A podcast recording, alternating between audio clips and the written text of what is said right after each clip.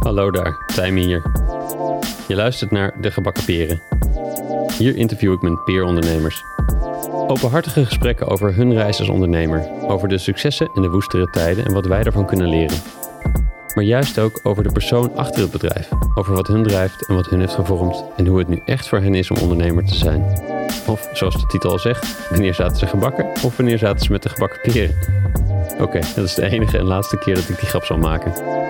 Ondernemerschap is de beste school voor persoonlijke ontwikkeling, maar misschien kun je sommige lessen met minder schade en schande leren door slim te spieken. Of in het geval van podcasts, af te luisteren. Aflevering 27. In deze aflevering is Joost van Schieten gast. Joost is zesde generatie boer op boerderij De Eenzaamheid. Een boerderij waar hij opgroeide en waarvan hij op zijn twaalfde besloot er juist niet zijn toekomst in te zien. In dit gesprek hebben we het over opgroeien op de boerderij en de wijde wereld ingaan. En over start-ups opzetten in grote corporates. Natuurlijk hebben we het ook over het keuzeproces om toch een toekomst op en voor de boerderij te gaan bouwen. En praten we over regeneratieve landbouw.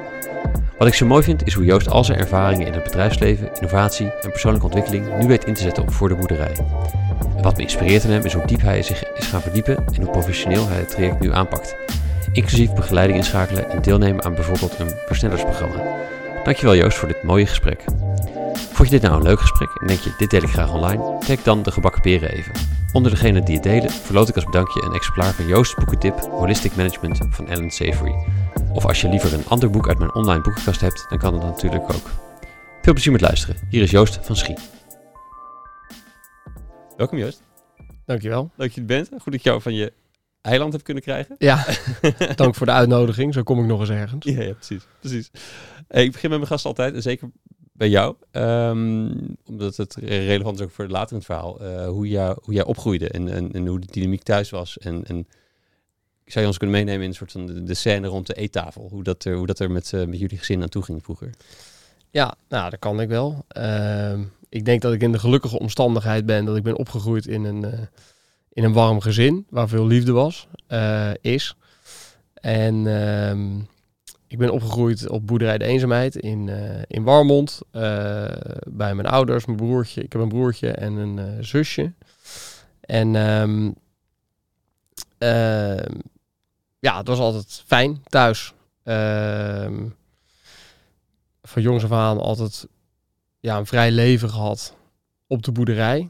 Nou, vrij en geïsoleerd in zekere zin. De eerste, ik denk de eerste zeven jaar van, je le van het leven die speelde zich hoofdzakelijk af op die boerderij, voor mijn gevoel ook. Op het eiland? Ja, op, ja hoofdzakelijk. Nou, hij gaat natuurlijk naar school op, op, op een gegeven moment. Uh, maar dat, dat vond ik ook nog wel weer een soort van wennen. Om dan daar te komen tussen allemaal kinderen die elkaar ook al wel weer deels kenden. Ja. Um, um, en...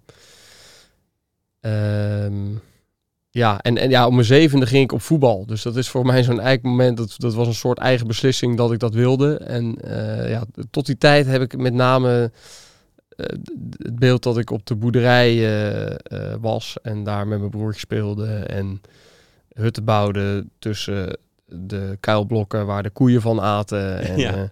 met, met, met mijn tractortje door de keuken aan het rijden was terwijl ik op mijn knieën zat. En hutten bouwden binnen en buiten. Ja, dat, dat, dat was voor mijn gevoel een beetje het, het, het leven. En ik, ik weet ook nog... Uh, nou, ja, je, je, ik moet natuurlijk ook eerst je vraag beantwoorden. Wat gebeurde er aan de keukentafel? Um, ja, um, we moesten altijd netjes ons bord leeg eten. ja. Dat was toch altijd wel uh, een, een, een dingetje. Um, maar ja, bovenal, uh, het ging altijd wel. Uh, er was altijd interesse van mijn ouders in uh, wat mijn broertje en mij bezig hield. Ja. dat is één. En het andere is dat het ook altijd wel over de boerderij ging. Ja. Vaak dan gewoon in gesprek tussen mijn ouders. Maar ja, daar, daar zat je dan bij als kind en je kreeg wel eens wat mee. Werkt je moeder ook op de boerderij? Ja, ja dus mijn moeder is opgeleid als verpleegkundige. Uh, maar op, toen ze mijn vader, uh, toen ze met mijn vader getrouwd is, zijn ze naar de boerderij verhuisd. En uh, mijn moeder kwam ook van een boerderij. Oh ja. En toen is mijn moeder eigenlijk boerin geworden. Ja. Eh, dus mijn vader die deed de koeien en, eh, en het melken en, en, en het land. En samen, ze de, mijn moeder deed het, het meeste bij het kaas maken en de, en de, en de kaasopslag en verkoop. Ja. En eh, ja, eigenlijk, ik zou bijna zeggen, een, een traditionele verdeling op een kaasboerderij. Ja, ja zoals, het, zoals het veel gebeurt. Zoals dat veel gebeurt. En, en eh, op, op latere leeftijd, toen mijn zusje ook wat, wat, wat ouder was, toen is mijn moeder weer gaan studeren. En die werkt inmiddels eh, weer in de zorg. Ja. Ehm, maar in, in die fase waren mijn ouders dus, ja, ze runden gewoon samen de boerderij in maatschap. Dus ge- eh, 50-50 eh, eh, verdeeld. En, eh, of ja, gewoon dus samen. En ehm, nou ja, mijn broertje en mijn zusje, of mijn, bro- mijn broertje en ik, want mijn zusje kwam zeven jaar na mijn broertje. Oh ja. Ehm, ja, wij, wij, wij, wij speelden op de boerderij en ja, er kwamen vriendjes bij ons en wij gingen naar vriendjes. En ja, dat was een beetje het, eh, het leven in die eerste Ja, Ja, ja. zeven jaar. ja en dat het veel over de 12 jaar. boerderij gaat, dat is natuurlijk niet gek als het een boerderij is ook waar je woont. Dus het, Precies, ja, je, ja, er is ook niet echt een scheiding tussen, tussen ja, wonen en werken, zou ik nu zeggen. Ja, toen was gewoon ja, het leven op de boerderij. En dat gaat altijd door in het, ongeveer in het ritme waarin koeien gemolken en kaas gemaakt wordt. Waarbij de winterperiode altijd wel een stuk rustiger is dan de zomerperiode. Zeker omdat we vroeger maakten we geen kaas. Dus dat Hmm. scheelde echt een paar uur per dag. Ja. En, eh, en verder heb je in de zomerperiode veel meer werk op het land met de grasoogst. En eh, er is nog wat recreatie bij ons op de boerderij. Dus er zijn ook gewoon sowieso meer mensen. Eh, ja, dus je had, je had wel altijd een soort van duidelijke eh, zomer-winterdynamiek. Ja, ja. En op een gegeven moment ging, je, ging jij naar school natuurlijk. En, en en later ook middelbare school natuurlijk. Maar dat- dan wordt het weer anders. Nog zelfstandiger, los van de boerderij neem ik aan. Zoiets, zo stel ik me voor. Ehm, ja, ja, ja, inderdaad. Want je bouwt op een gegeven moment ook... eh, je bouwt relaties op, zou ik nu willen zeggen. Maar je, je gaat spelen met kinderen van buiten de boerderij. En mijn, nou, mijn, mijn, mijn eerste ervaring op de, op de peuterspeelzaal met de buitenwereld... Ja, ja. Was, eh, er was daar een... ehm, er was daar een jongen en... eh, die gaf mij... Ik, ik was een paar keer geweest. Op een gegeven moment...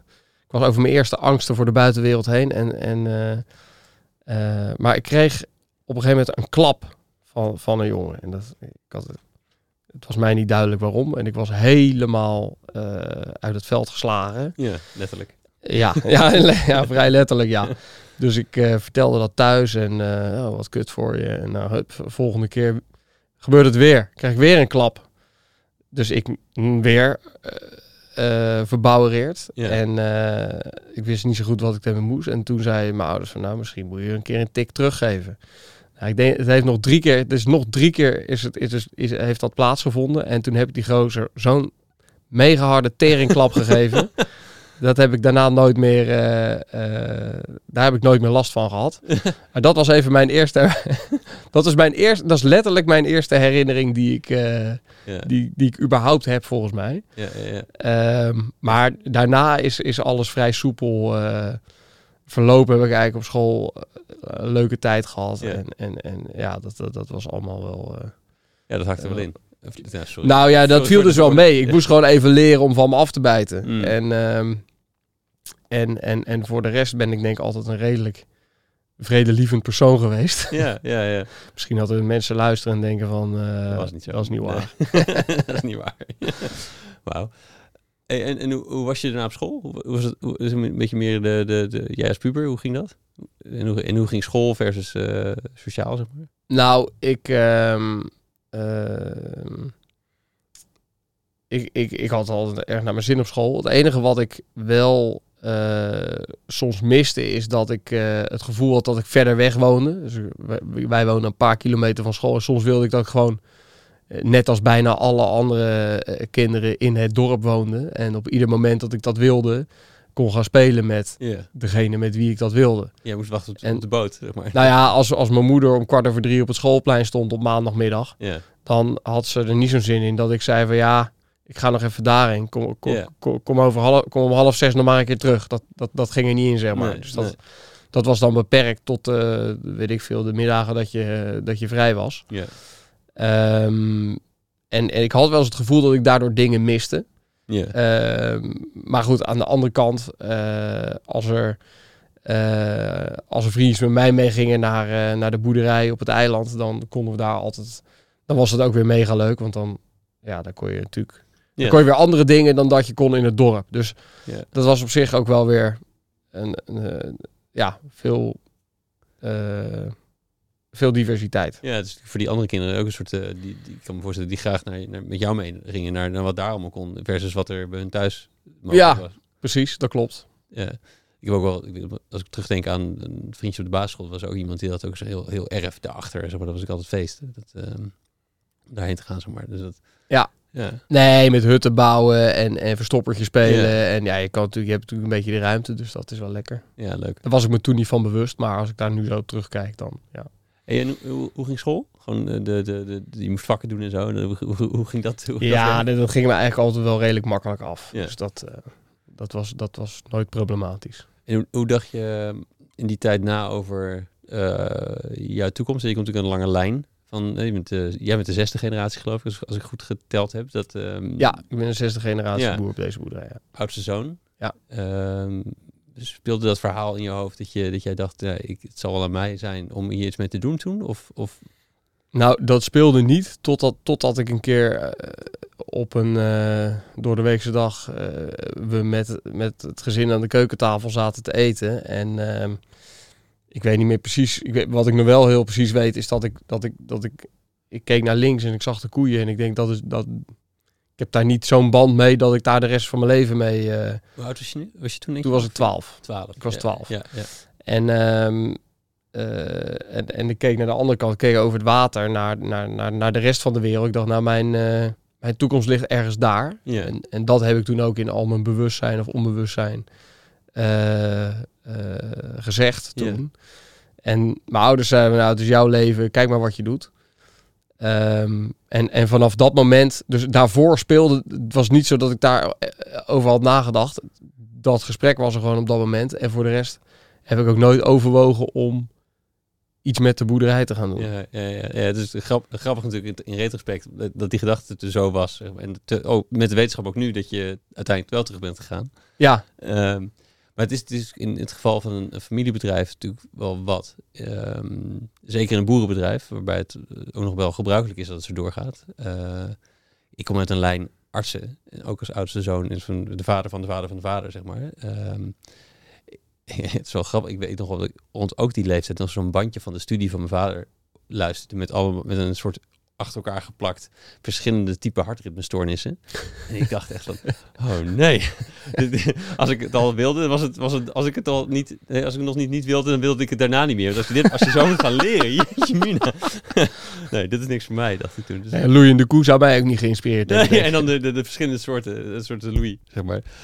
Um, het, maar dat, dat is zeg maar, daar kan je een soort in verwachtingen op hebben, maar dan zo niet, ja, dat maakt, maakt niet uit. Geen man, er gebeurt verder niet zoveel. Um, en dan is het echt slechts een verhaal. Nu is het ook echt natuurlijk een, een werkelijkheid. Dus, dus, dus uh, van werkelijkheid dat er dan dus iets anders moet gaan gebeuren met die boerderij uiteindelijk.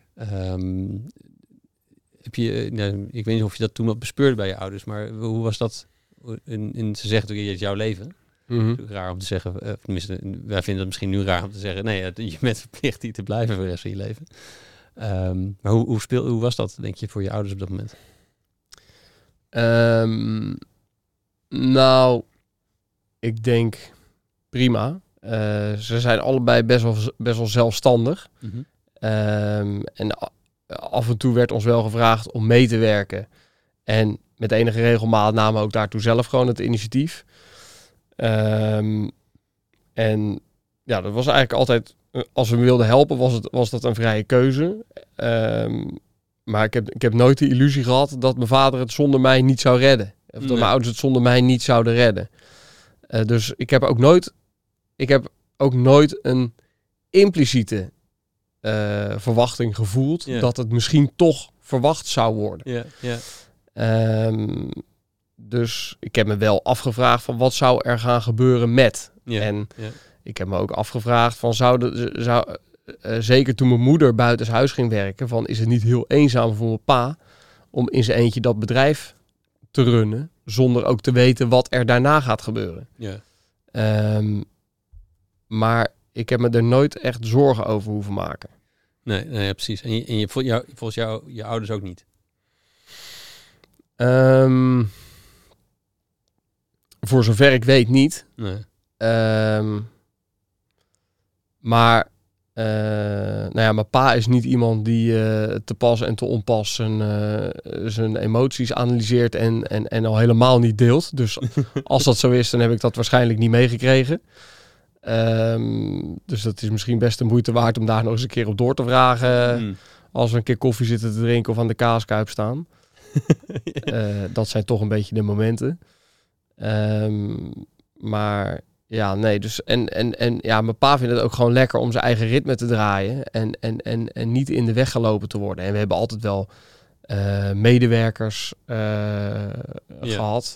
Die, eh, en nu ook nog, die, die, ja, waar, waar je gewoon bepaalde, waar mijn vader gewoon dingen mee afstemt. En, en die, die ook helpen met beslissingen maken. En ja, en je, en je hebt natuurlijk gewoon je hele boerencommunity en, en, en, en de mensen met wie je eh, ook buiten het gezin spreekt. dus het, ik denk, als ik er nu over nadenk, dan hoeft dat ook niet altijd uit het gezin te komen. Nee, precies. Ja, het, is ook, Eh, het is ook best wel... Een, als je je daarop organiseert, dan is het ook wel nou, een vrij grote kans dat het misgaat. Ja, dan, dan bouw je veel risico in, ja, in, ja, je, zo, zo bedoel ik in het. je bedrijfsvoering, ja. in je opvolgingsstrategie ook. ja, ja, precies. Het, is- het, is wel, het is wel komisch om je, om je binnen een paar zinnen te horen gaan van de, de kaaskuip naar eh, risico in de bedrijfsvoering, zeg maar. je, je hebt die, je hebt een beetje die dualiteit natuurlijk ook. ja. Ehm, wat, dus uiteindelijk, bent naar Amsterdam gegaan om te studeren. Wat, wat, eh, wat, wat trok je om... om eh, nou ja, je, en je wist dat je, je- Ik wil niet hier, ik ga daar, die kant op, hè, rechtsaf. Eh, wat, trok je, wat trok je zo die kant op? Nou, ik denk dat het... Het was uiteindelijk meer dat ik gewoon... Dat mijn middelbare school was opeens klaar. Zo spreekt En- iedereen ooit. Ja. en ik hoorde mensen om me heen zeggen... Ja, ik ga studeren in Amsterdam. Ik ga naar Rotterdam. Ik ga naar, ik ga naar Groningen. Ik ga naar Maastricht. Nou, mensen die naar Groningen en Maastricht gingen... Dat snapte ik al helemaal niet. Waarom zou je in godsnaam daarheen gaan? Ehm, en sommige mensen hadden het over een gap year. Ja. En daar had ik nog helemaal nooit van gehoord. Dat heb ik echt pas jaren later ontdekt wat dat was. Eh, maar voor mij, eh, op de middelbare school moet je ook wel ergens een route kiezen. Ja. En ik had toen economie eh, gekozen. En, en ik wist eigenlijk al dat ik, dat ik economie ging studeren. Ik wist nog helemaal niet wat studeren was. Ik had ook totaal geen beeld bij een universiteit of eigenlijk ook niet echt bij een stad. Nee.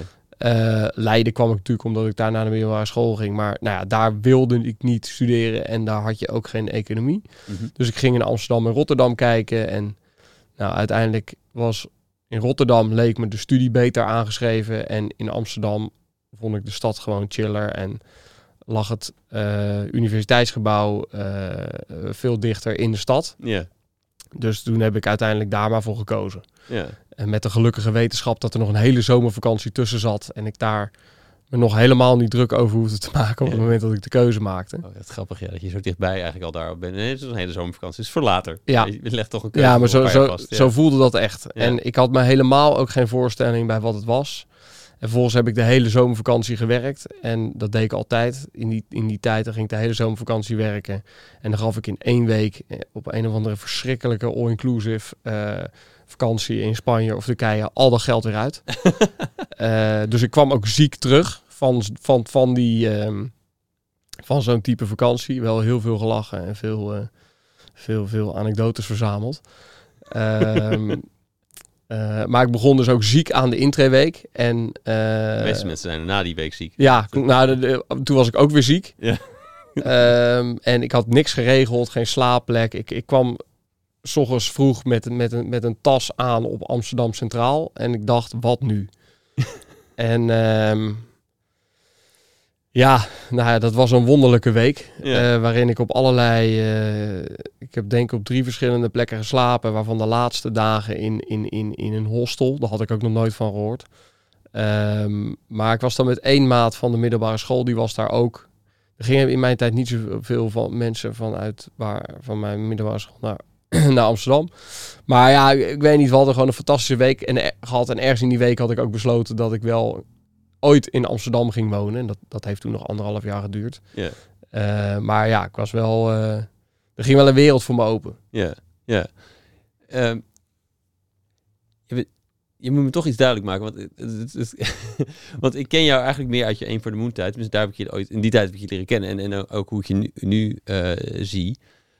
Ehm, klink je een stuk minder we- wereldvreemd dan hoe je het nu beschrijft, zeg maar. Dus hoe nieuw dat allemaal... Natuurlijk, veel, ouder geworden, et cetera. Maar er is er toch iets eh, gebeurd in ontwikkeling. En ook dat je, eh, Eén voor de Moon, dat je dat juist... eh, een soort aanjager van vernieuwing bent. In plaats van dat je, oh, er gebeurt hier kennelijk van alles. Hè? Dus hoe is, hoe, hoe is dat gebeurd? Hoe is dat ontwikkeld? Nou, ik denk dat ik wel een bepaalde eh, nieuwsgierigheid heb meegekregen. Ik denk dat ik dat met name van mijn moeder heb. Om, ehm, om gewoon nieuwe dingen te willen ontdekken. Dat, dat had ik altijd wel. Ehm, en ja, in het... In het ehm, eh, in mijn jonge jaren heb ik het gewoon heel erg naar mijn zin gehad in, de, in het dorp. Gewoon op school, op de voetbalvereniging. Later bij de jeugdsociëteit waar we feesten organiseerden en festivals en weet ik het, hele mikmak. En ja, ik had dus nooit echt een noodzaak om heel erg om me heen te kijken en ver weg uit te gaan en, en, en dat soort dingen. Altijd als er de optie was om buiten, zeg maar, de dorpen, de, de, de, de, de, paar dorpen waar we doorgaans kwamen, ergens heen te gaan, dan- wilde ik daar altijd heen. Ja, En soms initieerde ik het ook. Ehm, maar ja, het was niet in die tijd zo dat we naar allerlei steden gingen, naar de gekste feesten. Dat, dat, dat was toen gewoon niet.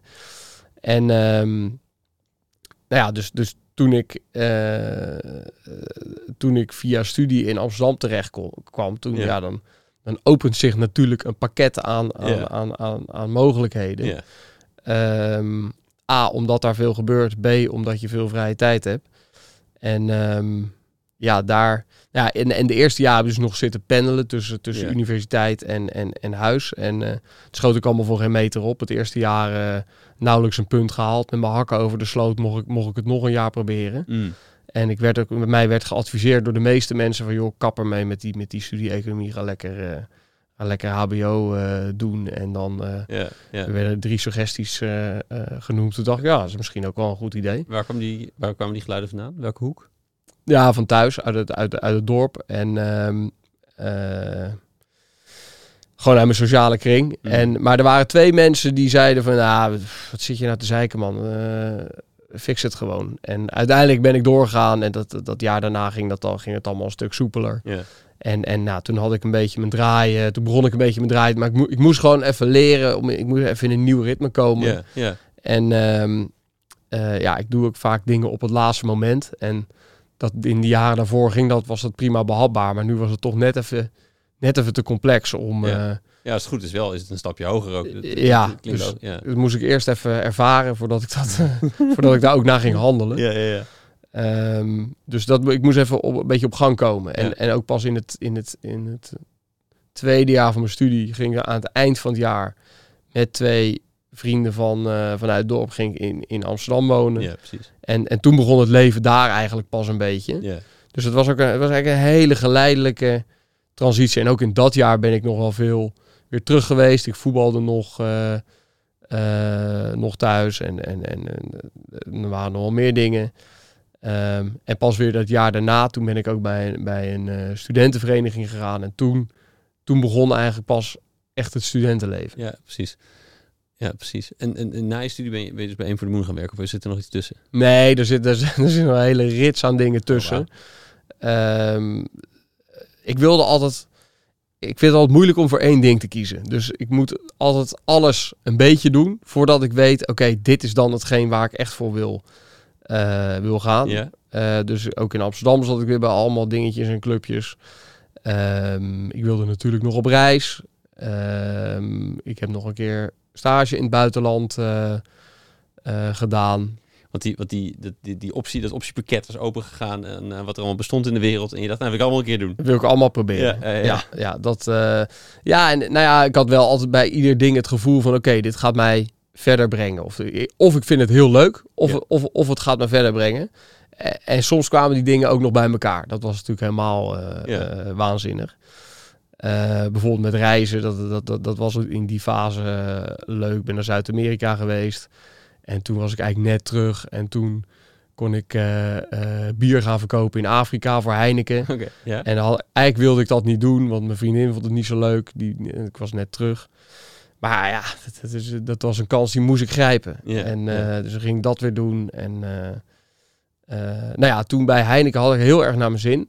Ehm, en ik had het ook goed gedaan, dus eh, mensen wilden me ook helpen om aan een baan te komen. Maar ik vond het erg. ehm, ik, ik kreeg ook wel soms het gevoel dat het heel erg een ladder beklimmen was. En dat je hebt junior functies en dan weet je, je kon het dan een beetje uitstippelen. En dat, dat gevoel beklemde me een beetje. Ehm, heb ik later nog wel spijt van gehad, een klein beetje. Ik ben toen namelijk meer een, een, een traineeship gaan doen wat bij verschillende bedrijven zich afspeelt. Omdat ik toch eerst breed Ja. Wilde kijken. Ik moest eerst weer alles, alles proberen Ja, ja, ja. voordat ik ergens een keuze uit kon. En eh, zo'n laddertje is ook tegenovergestelde ervan. ja, Dat klinkt logisch. ja, en ehm, nou, dat was op zich een hele leerzame tijd bij Jon Coolfield. Ook heel, eh, hele leuke collega's bij Jon Coolfield zelf. Maar de, de, de plekken waar ik dan die opdrachten deed, ja, dat waren vaak eh, IT-service afdelingen van, van, van corporates, van ING, van T-Mobile. En eh, ik kwam erachter dat, ik dat, niet de, dat dat voor mij niet de meest inspirerende plekken waren. Dus dat was een beetje... Ik had al lang gedaan over mijn studie, dus dat, daar ben ik denk ik een jaar of zeven mee bezig geweest.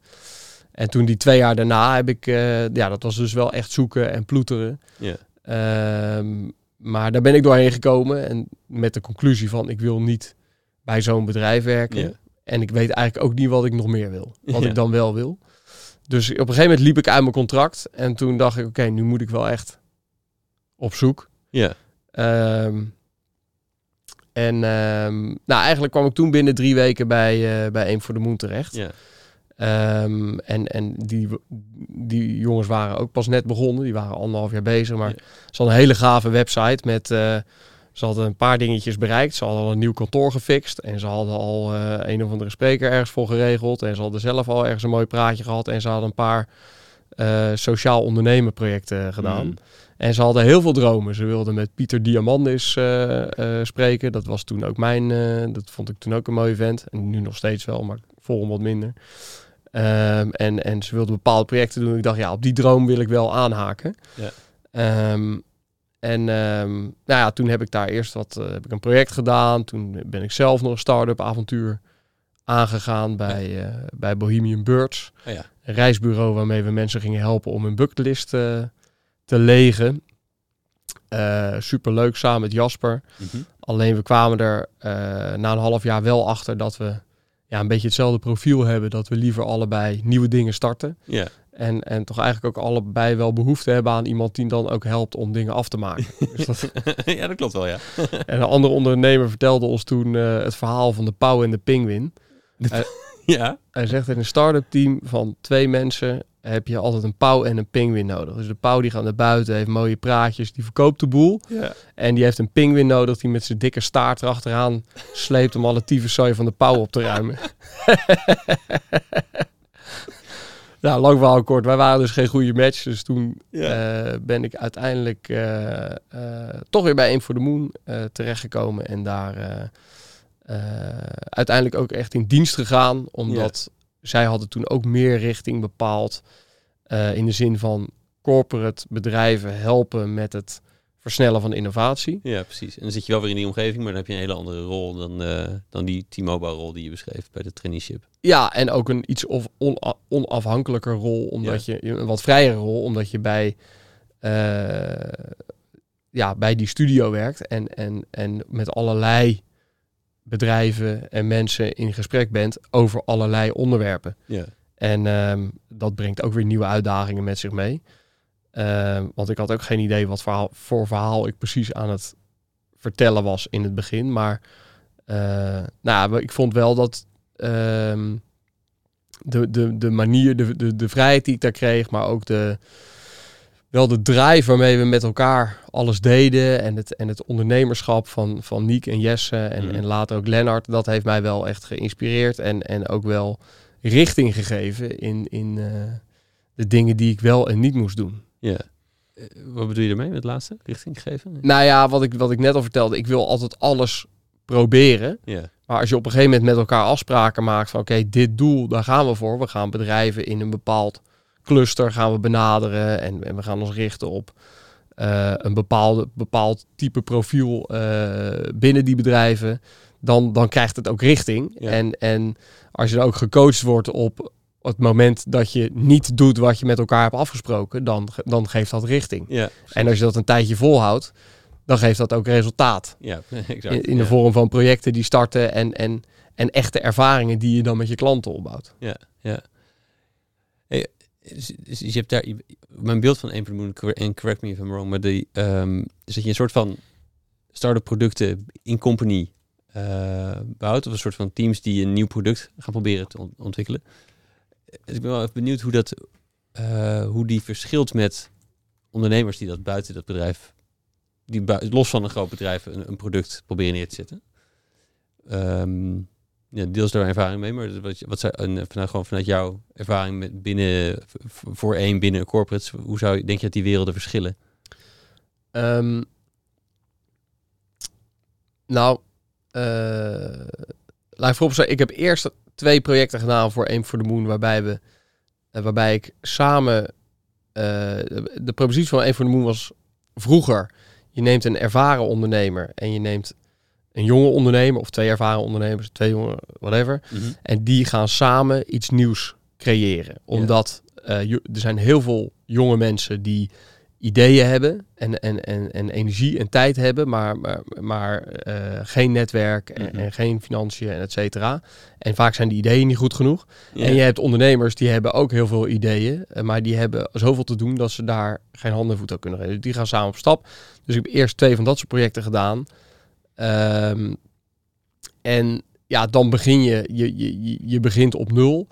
En ehm, je kunt best wel snel schakelen, want je hebt maar een heel klein groepje mensen waarmee je eh, eh, hoeft af te stemmen. ja.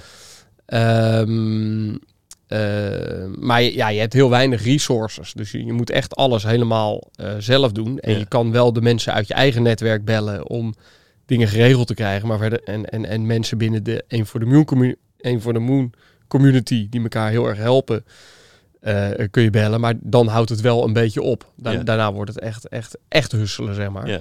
Ehm, en eh, nou ja, hè, als je met een bedrijf samen start, dan, heb, dan, dan is er een, in ieder geval de resources waar dat bedrijf eh, beschikking over heeft, die, die staan, als je het slim aanpakt, ook tot jouw beschikking. ja, precies. Ehm, het nadeel in, in, in het geval van, een- van een project met een corporate is dat er heel veel complexiteit bij komt kijken. Dus überhaupt om een project van de grond te krijgen, daar heb je gewoon al een bepaalde commitment eh, eh, voor nodig. Mhm. Dus het, het duurt al maanden om dat op te bouwen. En eh, vervolgens is het ehm, in, in, als je een, een corporate startup project is eigenlijk een, een two-sided battle. Dus, dus aan de ene kant moet je een propositie ontwikkelen die zich bewijst in de markt. En aan Ja. de andere kant moet je je intern bij dat be- bedrijf bewijzen dat er eh, geld en, en, en, en, en, en tijd van, van mensen naar, naar jouw project gaat. Ja. Dus, dus je zit continu tussen die twee werelden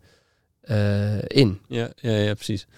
En ik kan me voorstellen dat je, dat je niet, niet alles van de, vooral die side in company kant, dat je dat niet echt in de hand hebt ook. Dat, je, dat, dat er hoog over toch iets gebeuren kan. Wat, eh, Ja, dat is waar. Dat kun je wel weer deels afvangen door weer de juiste mensen intern te vinden die daar wel weer dan de, ja, precies. ehm, eh, kunnen beïnvloeden.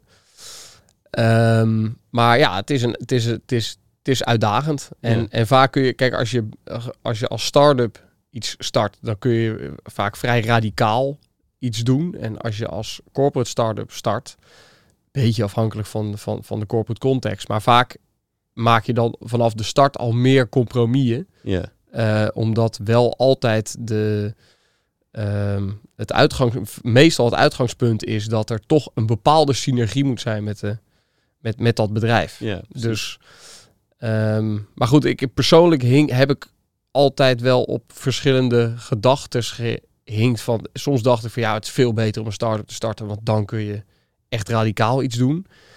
Eh, maar ik heb ook lange tijd geloofd van nee, we moeten het juist samen doen, want daardoor bun- bundel je het beste van twee werelden Ja. en is de kans op succes groter en de potentie voor schaalbaarheid ook groter.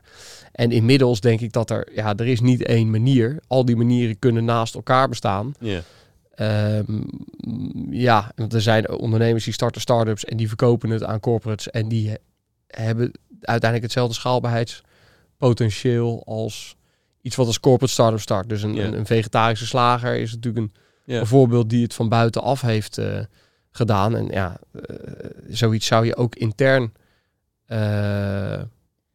kunnen starten. Ja. Maar vaak gebeurt dat dus niet, omdat er niet zo radicaal gedacht Nee, ja, Kan ik, worden. las volgens mij van de week dat, eh, dat eh, die grote tech-companies echt in, eh, tot nu toe in 2021 echt belachelijk veel kleine IT-spelers opgekocht hebben. Echt iets voor eh, vier- 450 miljard aan, aan acquisities. En dat is alleen maar de acquisities die minder kosten dan een miljard. Ja. Dus, dat, dus die vreten gewoon al die kleine innovatieve ideetjes op. Ja. Eh, omdat ze het kennelijk, eh, los van het feit dat je van het competitieve landschap achteraf vindt, eh, maar kennelijk omdat ze het, zelf moeilijker vinden om eh, dat dit, dit, dit eenvoudiger innovaties eh, aanschaffen is dan, eh, dan zelf maken. Ja. ja, dus kijk, uiteindelijk is het ook gewoon, is het denk ik ook wel een beetje de. Voor mij was in ieder geval op een gegeven moment de vraag van welke rol wil je zelf hebben? Ehm, en eh, nou ja, ik had, ik had mijn droombaan bij Eén voor de Moon. Als ik het van tevoren had mogen uittekenen, dan, dan, dan was het dat. Want ik werkte met heel veel leuke collega's. Ik werkte met leuke klanten. Dus ik bedoel niet per se dat het mooi merken. Het waren ook mooie werken, maar ik vond echt leuke mensen waarmee ik werkte. Dat met name. En, ehm, en, en de onderwerpen vond ik gewoon gaaf. Dus het was eigenlijk echt mijn droombaan. Ehm, eh, en, en het was heel ondernemend, vond ik ook heel mooi. Ehm, maar ja, het, het, het, dat, het was soms ook wel heel erg in mijn hoofd. En, en eh, ik vond het soms toch moeilijk om een gevoel te krijgen bij de, ja, bij, bij de dingen die we echt aan het, aan het maken waren. Zeker omdat ik ook met zo diverse onderwerpen bezig was, dat ik er zelf nooit degene was die er het meeste van af wist. Nee, het is een bedenkexercitie en je moet je laten ondersteunen door mensen die iets snapten van de techniek of de praktijk. Of de, Ja, het was vaak zo complex en het was, het was zo groot dat, het, dat, dat dat dan weer moeilijk te bevatten is. Heb je, heb je een voorbeeld, Kees, die, eh, die, die dit een beetje behelst? Een soort voorbeeld van een type product dat je probeerde te lanceren? Misschien is het niet lastig om dus de, de, de, de partij dan erbij te noemen, maar... Ja, nou, we, we hebben iets gelanceerd in de, ehm, ik wil zeggen afvalbranche, maar dan, moet- ik moet zeggen de recyclingbranche. Ehm, en ehm, nou ja, dat, dat, dat, dat, dat was een, ja, een, een heel ander model dan dat. Nu, nu ieder, ieder afvalbedrijf die haalt zijn eigen afvalstroom eh, op. En d- ja, dit, dit ging meer over dat, dat, dat je dat veel meer integreert en vraag en aanbod op een hele andere manier bij elkaar ging brengen. En dan Ja. we hadden een bepaald doel, maar je, je merkte van er zijn allemaal randvoorwaarden tussendoor die dan op orde moeten zijn. Je moet eerst de distributie regelen voordat je echt een nieuwe propositie kan lanceren. en nou goed, het was, je moest gewoon van heel veel dingen iets afweten. Ja. En dan moest je nog eerst heel veel stakeholders bij elkaar krijgen om dat voor elkaar te krijgen. En Dan dat, heb je nog geen terug gezien, zeg maar, of niks. Precies. Nee, en, en, en eh, nou ja, uiteindelijk denk ik dat het eh, dat daar best een eh, dat team dat gaat nu heel goed. Ehm, en, en het was ook heel gaaf om te doen. En, en er waren ook echt veel goede en leuke mensen eh, eh, bij betrokken. Maar Ja. het, is, het is wel abstract voor, voor, voor, voor mijn beleving en de rol die ik daarin had. Want uiteindelijk wat, je bij, wat we bij Aim for the Moon doen, is we werken met een community van ondernemers en die gaan het werk doen Ja. samen met een aantal intrapreneurs. En mijn rol was meer business developer. Ehm, en eh, het faciliteren van, van, van de samenwerking tussen team en eh, het opzetten. En daarna faciliteren van de samenwerking tussen, tussen Ja, het team precies. en de corporate. Ja. En eh, nou ja, dat was dan één project. En eh, had, je, had je nog tegen andere projecten waar je ook met je aandacht bij moest. Dus ik kon nooit echt te diep ingaan. Ja, dat, dat was niet mijn rol. Nee, snap ik. En dan ik kan me voorstellen dat het heel erg hoofdelijk wordt inderdaad dan. Ja. ja. En begon dat toen, hoe lang heb je daar uiteindelijk eh, gezeten? En, en, Eh, ruim vijf jaar. ja, vijf jaar. En de- een, een jaartje of twee of zo, als ik denk de tijdslijn terug te draaien, begon er iets te knagen. Of, eh, of... Nou, het was niet zozeer dat er iets begon te knagen, maar ik, ik had een keer een gesprek met mijn ouders in de tuin. En ik vroeg pa en ma wat is eigenlijk het idee met de boerderij. Waar kwam die vraag opeens toen, toen vandaan, denk je? Geen idee. Ik zat gewoon in de tuin. Het was Ja. zondagmiddag. Mijn ouders zaten er niet op te wachten. Ik zat er niet op te wachten. het, ik had het waarschijnlijk al gevraagd voordat ik erover nagedacht had. Ja, ja. Ehm, en ehm, eh, nou ja, het antwoord dat ik kreeg was dat er eigenlijk dat zij eigenlijk niet echt een, eh, dat zij eigenlijk nog nooit echt hadden nagedacht over de toekomst van de boerderij. En, en in ieder geval op dat moment ook geen zin hadden om erover na te gaan denken. Dat zou allemaal vanzelf wel komen. En toen dacht ik, ja, ja, ja, ja. Nou ja, in de wereld waar ik werk, eh, als, als, als daar een, een, een, een nieuwe koers nodig is, dan gaat men om zich heen kijken. Eh, misschien een mooi reisje maken naar her of der om inspiratie op te doen. Ja. Dan komt er een visie. En eh, die visie die wordt dan uiteindelijk doorvertaald naar een plan. Ehm, nou ja, zo'n zo, zo'n uitgebreid traject zag ik niet voor me thuis. Nee. Bij een boerderij, wat een vrij overzichtelijke unit is. Ehm, maar uiteindelijk is het toch een beetje zo gelopen. In, in die zin, ik wist het gewoon echt niet. Maar ik dacht wel van oké, mijn ouders gaan niks. Je gaan hier niet actief mee aan de slag. Als Ja. er, Ehm, en ik voelde denk ik toch ergens wel ehm, ja, impliciet een verantwoordelijkheid of in ieder geval een drang om op zijn minst te gaan onderzoeken wat, de, wat, er, wat er eigenlijk speelt in de landbouw en wat de kansen zijn voor een, voor een ja, relatief kleinschalige kaasboerderij eh, die al wel biologisch eh, Mhm. is, 20 jaar. Dus wat dat betreft al wel ja, op, denk ik op het goede pad eh, zit en zat. Ehm, En voor wie voelde je die verantwoordelijkheid? nou, ik vond het een beetje een rare gedachte dat het na vijf generaties in één keer zou ophouden. Ehm, en, ehm, ja, en ik was ook wel gewoon oprecht nieuwsgierig naar, naar wat, er, wat er mogelijk was. En er was nog één ander ding en dat is... Ik had een documentaire gezien over een, een, Britse, een Britse documentairemaakster. Die was boerin geworden. Mhm. Ehm, en omdat ze documentairemaakster was, ging ze dat ook vastleggen. Ja. Net zo'n, eigenlijk een beetje een soort voorloper van Kiss the Ground. Eh, iets van, ja, een paar jaar daarvoor. En, en die liet zien, was een, een, een, Britse boerderij in, eh, in Devon, meen ik. En dat permacultuurprincipes, eh toen hoorde ik voor het eerst over permacultuur waarvan de, de, de ja, wat een ontwerp set van ontwerpprincipes is, is voor hoe je een, een, een ecosysteem inricht. En eh, de, de basis, eh, ja, ik als econoom nam daar eigenlijk van mee van je kunt, je hoeft niet alleen op de vierkante meter te farmen, maar je kan ook op de kubieke meter farmen. Diepte in. Nou, de hoogte in. Oh, de hoogte, sorry. Ja, en, ja, ja, en, en ook de, ja, als, je, als je de hoogte in gaat, dan gaan de wortels de diepte in. Dus in feite wel. Eh, maar al met al heb je meer capaciteit om zonlicht en, en, en, Hmm. en, en water en CO2 om te zetten in eiwitten die eh, door de mens ook, eh, Ja. of, of, of voedsel of vezels. En nou goed, ik had in ieder geval die documentaire gezien, eh, waardoor ik het de hoop had dat er ook een ander perspectief was. Nog even afgezien van of dat dan allemaal kan en mag in, in het gebied waar je zelf zit. En dat was eigenlijk voor mij de, het startpunt om te denken, ik, ik ga gewoon dingen lezen, documentaires kijken en dan zien we het wel. Om, maar dat is een ander perspectief voor wat landbouw zou kunnen zijn. Of, of weet Ja. in de... In de Nou, een de ander, nou ja, nee, ja, zo groot zag ik het ook niet. Ik, eh, ik zag het meer als een ander perspectief voor hoe wij onze boerderij zouden kunnen ontwikkelen. En wat toevallig ook aan zou sluiten bij maatschappelijke eh, behoeften. En dat is zo'n ander perspectief, dat, dat trok jou omdat het dan weer nieuw is of zo? Of? Ehm, ehm, ja, waarom trok het? Nou, het, tro- oh ja, het trok mij ook wel omdat ik... ehm, ik had eh, al een paar jaar daarvoor een keer een eh, coaching sessie gedaan. eh, met Tom Elvers, jou toevallig wel bekend. Ehm, en, en daarin was, ik, was, de, was de kern uiteindelijk... We zaten in een, in, in, in, in, in een gebouw eh, aan de Amstel, keek uit over het water. En, en, en toen was de kern wel, als, er- als ik, als ik zou, zou mogen kiezen, zou ik wel willen bijdragen aan eh, mens en natuur dichter bij elkaar brengen. Ja. En ehm, ik had voor mezelf het gevoel dat ik dat bij Eén voor de Moon ook aan het doen was. Omdat we wel bezig, bezig waren met dingen die de wereld een stukje mooier maakten. Maken. Ehm, en eh, nou ja, ook hier was dat dus een, een soort van basisbeginsel. En d- dat, dat, dat permacultuurverhaal linkte ik wel aan, aan, aan, aan, aan, die, aan die persoonlijke eh drive. Hoewel ik voor mezelf wel zoiets had van ja, balans tussen mens en natuur is wel echt iets heel vaags.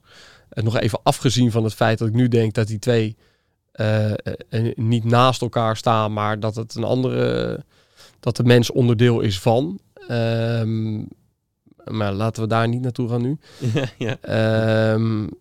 Dus nou, eh, lang verhaal kort. Toen, toen ben ik gewoon eh, eh, gaan onderzoeken in mijn vrije tijd van, van wat is dat dan? Vaak naar Pakhuizen Zwijger geweest om bij allerlei sessies te zijn over ehm, landbouw en voedsel en landschap. En ehm, Eh, Om, om te zoeken naar een soort wat een nieuwe vorm van eh, boerderijleven, boerderijwezen zou nou, kunnen zijn. nou, eerst maar eens te kijken wat er überhaupt al gebeurt. Ja, nee, precies. Maar En- het doel om, om te zoeken naar een vorm die bij jullie op de boerderij jou zou kunnen inspireren. Ja, wel, wel om te kijken van wat, wat is bij ons toepasbaar Ja, om, ehm, eh, ja, om, om andere inkomstenstromen eh, te genereren. ja. Ehm, waardoor, we, ja, de, waardoor er investeringsruimte eh, ontstaat. Wa- waardoor ik de boerderij kan overnemen. Mm. En het kan overnemen eh, op een manier dat we in een team werken. En, en dat het niet van mij afhankelijk is. ja. Dat jij niet het militaire regime van je vader hoeft over te nemen. Precies, ja, inderdaad. Dus, dus eh, het, het perspectief van 14 keer per week eh, koeien melken en dan ook nog kaas maken en dan ook nog de grasoogst en koeien die afkalven als ze daar zin in hebben, wat natuurlijk logisch is. Ja, ja. Ehm, en, en alle andere dingen die erbij komen kijken. Nee, ja, ik, ik, ik, ik hoop dat we dat op termijn, dat doen we al deels in een team, maar dat dat, dat, dat, dat niet alleen van mij eh, eh, afhankelijk is. Nee, snap- snap en, eh, dus ja, daar had het ook mee Maar daar had je ook wel een soort van al, al een stap verder zijn.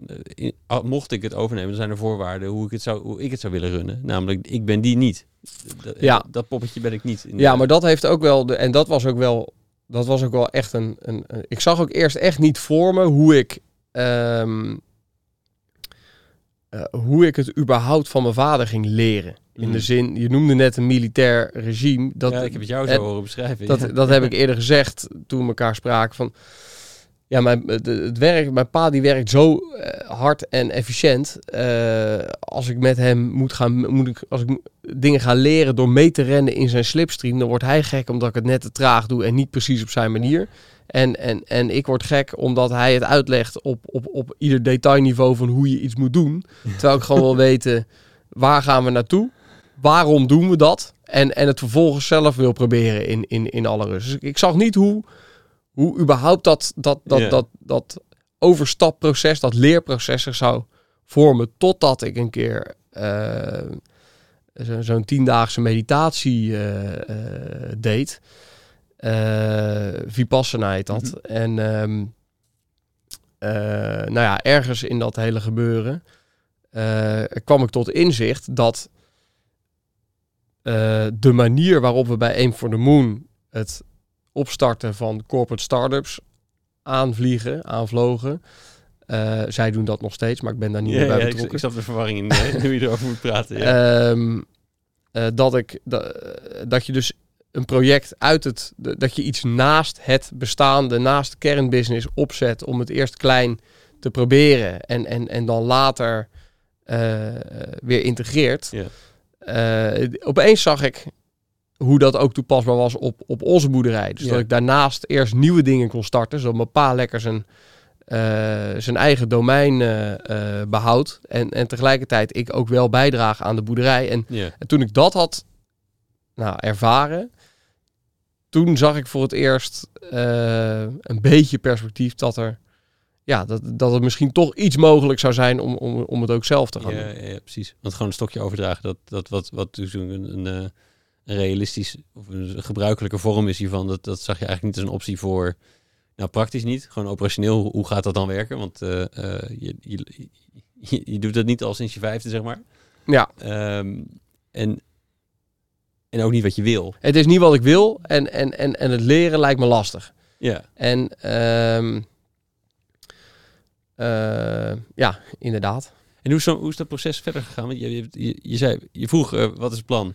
Ja, er is geen plan, we willen er niet Ja. over nadenken. Ja, ja. we Nee, gaan dus- tot in de eeuwigheid door. Ik heb toen, ik heb toen een jaar of twee, drie, heb ik, heb, heb ik gewoon eh, in, in, in alle rust eh, mezelf er een beetje in verdiept. En ehm, nou, mijn inzicht was uiteindelijk dat ehm, eh, het gaat niet alleen over koeien en kaas. Het gaat over koeien, kaas en klimaat. Ja. Ehm, en dat geeft uitdagingen, maar dat geeft ook kansen. En ik was Commonland tegengekomen. Dat is een, een, een organisatie die doet landschapsherstelprojecten Ja. in, in binnen- en buitenland. Eh, en eh, eh, de lokale partij heet Weiland, was ik ook mee in contact gekomen. En zij hebben een, een, een vierwaardemodel met economische, ecologische, sociale en culturele waarden. Mm.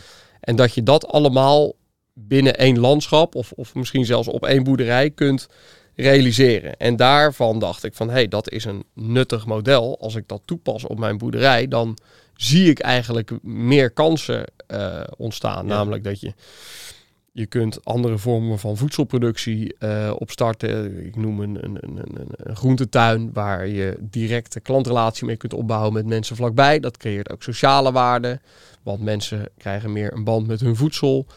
Eh, creëert ook culturele waarde, want je, je, je, je- eh, of ja, culturele waarde, om, om, omdat je kijkt hoe kan ik een gebied ontwikkelen. En ook ecologische waarde, omdat je meer diversiteit in het landschap brengt. Ja.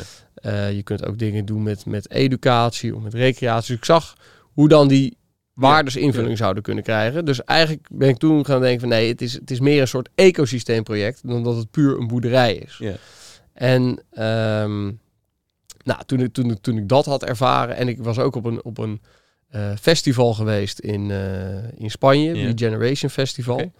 Ehm, ik had zelfs Lowlands de- dat jaar afgezegd om, om, om tijd en geld te sparen om dat dan te kunnen doen. Ja. En ehm, ik had geen idee of daar mensen op af zouden komen en, en, en wat voor mensen dat dan zouden zijn. Of dat, of dat donkergroene mensen zouden zijn, of, of, of, of, of hipsters, of, of nou ja, hoeveel vakjes je nog meer kan bedenken. Maar lang verhaal kort, uiteindelijk was het een hele gemeleerde groep van 150 mensen. En s gingen we bomen planten, 's middags workshops doen en s'avonds eh eh van God los. En, en, eh, en douchen onder, een- onder een waterval en weet ik het allemaal. Ehm, nou, ik vond het waanzinnig en ik, ik reed terug eh, naar het vliegveld en ik dacht, jezus, het kan toch wel mooi zijn op het platteland. en dus dat waren een paar dingen die het rationeel, maar ook emotioneel voor mij Mm. opeens aannemelijker maakten dat, het, dat, dat er ook echt wat, dat er ook echt potentie ligt op het platteland. En ehm, nou ja, toen moest ik mezelf nog gaan overtuigen dat ik het echt zou kunnen. En, en Ja, met eh, contrasterend hoe je er tot die tijd de opties allemaal open, zoveel Ja. mogelijk naast elkaar, alles moet, eh, alle Ja. mogelijkheden afvinken. Of, Ja. klopt. En ehm, eh, nou ja, uiteindelijk een half jaar na dat festival deed ik mee aan het Boerenversneller-programma. Ja. Dus, dus, dus corporates of, of, of be- bedrijven die noemen dat accelerator programs, maar boeren noemen dat een versnellerprogramma. En dat, dat Duur duurde wel lekker eigenlijk zo'n Nederlands woord. Ja, ja, ja. ja. En ehm, nou ja, tijdens de, tijdens de, dat duurt dan een paar, er zijn sessies verspreid over een paar maanden. Bij de eerste sessie was twee dagen met 15 boeren in, in, in, in Groningen. En, en eigenlijk tijdens het eerste introductierondje hoorde ik al die persoonlijke verhalen van al die andere boeren. En toen dacht ik, verdomme, het is toch wel echt mooi. Eh, Wat ging er Ik- aan dan, denk je? nou, gewoon die persoonlijke verhalen, dat het gewoon een hele, ehm, ja, hele directe ervaringen op het, op, op het land en gewoon de, de, de, de, de, toch een beetje de, nou ja, soms ook wel de hardship van, van eh, wat ik thuis vroeger ook wel had meegemaakt, want de gesprekken aan de keukentafel waren niet altijd roze geur en maneschijn. Mm. Er gingen ook wel eens dingen niet goed en er kwamen bedreigingen van buitenaf, omdat er weet ik veel, eh, projecten vanuit de gemeente kwamen waarvan je moest afvragen of dat, of dat niet van invloed zou zijn op je, op je, op je voortbestaan. En, en nou ja, eigenlijk alles kwam voorbij. En ik, toen dacht ik van ja, dit, dit, dit is het echte leven. Mm. En ehm, eh, ik weet niet, het was meer een gevoel. Ik kan, Ja, het nu, gaan, tuurlijk. kan het nu gaan rationaliseren, maar ergens dacht ik van ja, het is een mooi avontuur. En ehm, nou ja, toen die, die, die, die dag daarna heb ik, heb ik ook aangegeven van eh, eh, bij een voor de Moon van ja, ik, nou, ik, ik voelde, ik had niet het idee van ik moet nu meteen eh, kappen en, en nu meteen een switch maken, want ik heb werkelijk nog geen idee wat ik zou moeten gaan doen. Ja. Dus ik ben toen eerst een half jaar eh, ben ik heel blij omdat we e- enerzijds had ik het idee ik, ik ben er nog niet klaar voor en anderzijds had ik het idee ik ben nog niet klaar bij één voor de Moon, want ik heb daar nog ik weet niet, ik zit nou net lekker in de flow. Ja. Eh, ik heb er veel in geïnvesteerd. Zij hebben in mij geïnvesteerd. Er lopen nu net een paar dingen. Dat, dat, dat wil ik nog wat verder brengen. En dat, dat bleek achteraf ook een goed besluit. Dus ik ben toen part-time gaan werken, de helft van de tijd. En nou, toen had ik ook wel echt meer tijd voor de boerderij. Toen heb ik ook wat geld opgehaald. En met dat geld mocht ik dan... eh ik kwam bij Weiland vandaan en van waterschap. En daarbij mocht ik een expertteam samenstellen. Oh Ehm, eh, dus met experts en, en, en ontwerpers en, en, en ecologen. Eh, en daarmee gingen we een ont- regeneratief ontwerp voor onze boerderij eh, eh, maken. En, en toen ik die, eh, nou toen ik dat team had gevormd, toen dacht ik, oké, dit is misschien wel een moment. Ik stond een keer onder de douche. Ik dacht, hey, dit is eigenlijk het moment dat ik me daar volledig op moet kunnen gaan focussen. Want dit is gewoon mijn eigen opleiding regeneratieve landbouw. En daar moet ik gewoon alle aandacht voor hebben. Dus toen, eh, en ja, en, en, en ook een aantal samenwerkingen bij Even de Moer kunnen verlengen en, en nog wat nieuws kunnen starten. En ehm, ja, toen, toen, toen dacht ik van oké, dit, dit is het moment. Ja. En, eh, en toen, ja, toen ben ik fulltime eh, voor de boerderij gegaan, terug verhuisd. En eh, Wanneer was dit? ehm, anderhalf jaar geleden, dus eh, eh, februari 2020. ja, heb je nog een weekdag? Nee, grapje. Maar, Wat zeg je? ja, 1 februari. En hoe, was het, hoe, nee, en hoe, heb je dat toen, hoe is dat toen thuis nog gegaan? Dus met, met, met ouders en, en, en, en broertje en zusje? Zaten die nog in dit, in dit proces? Of was de bal met je bij jou? Eh, zeker. Nou ja, het, het, eh, ehm, ik had denk ik het initiatief, maar zoiets doe je nooit. Bij een familiebedrijf gaat het altijd met elkaar. Je hebt Eh, met je ouders, maar je, waarschijnlijk ook je broertje en zusje nog. Ja, zeker. Dus, eh, nou, überhaupt was het ook wel leuk, want die, ik vertelde over die zondag in de, in, in de tuin. En, en eh, volgens mij die maandag belde ik mijn vader van, pa, ik ga toch op, op onderzoek uit voor de boerderij. Hij zegt, doe dat nou niet. Jij bent een stadse jongen geworden, blijf nou lekker daar, wij regelen het hier wel. En, en hij meende het. En Ik dat- zei, nou, let maar op. En ehm, maar was dat denk je een soort extra motivatie juist? mm, Let maar op. Ja, een beetje wel. Ik, ik voel me wel uitgedaagd daardoor. Eh, hoewel hij, denk ik, echt dacht van ja... Het was, niet- het was leeft niet tactisch van hem, nee. Dat, eh, Het, nee, hij, dat was gewoon zijn reactie. Zoals hij altijd gewoon een hele natuurlijke reactie heeft. En eh, nou goed, en, en voor Lieverlee kwamen verder in dat proces. En eh, heb ik ook met mijn ouders een, een, een, een moonshot sessie gedaan. Hè, dat deed ik natuurlijk bij, vanuit een, dat heb ik gewoon één op één vanuit een van de moon mee naar huis genomen. Stickertjes plakken en, en, en met elkaar over hebben hoe de toekomst eruit zou kunnen zien. En nou ja, mijn pa wou gewoon een nieuwe stal bouwen. En mijn ma en ik keken wel wat breder. Uiteindelijk een paar dagen later met mijn broertje en zusje erbij nog een keer gedaan. Ja, daar ontstond toch wel het beeld uit van mijn pa wil dit. En, en, en wij willen allerlei dingen. Hoe, hoe, hoe kunnen we hier nou soep van maken? ja. En toen hebben we met een coach ook om tafel gezeten. En werden ons eigenlijk twee vragen gesteld. Wat betekent deze plek voor je? En wat is je rol? Mm. En daar kwam eigenlijk uit dat voor iedereen die plek wel echt een thuis betekende. Voor iedereen op zijn eigen manier. Ja. En ehm, eh, er kwam ook wel wat emotie kijken bij dat eh, Ja. gesprek. Dat is even geleden, dus ik kan nu wat meer staccato vertellen. Ehm, en, eh, en, en iedereen moest ook zeggen, wat, wat, wat is je rol erin? Dus mijn, broertje en zusje, die wilden wel betrokken zijn, maar niet verantwoordelijk. Mm. Ehm, mijn moeder vond het toen wel echt tijd worden om iets te gaan doen. En mijn vader had zoiets van, ja, we gaan inderdaad wat doen of we verkopen de boel. Op een we gaan afbouwen en verkopen de boel op een gegeven moment. En, en, en toen hij dat zei, toen ging ik door het dak. Ik zei, we verkopen verdomme helemaal niks. Wij zitten hier met z'n vijven aan tafel en wij gaan dit...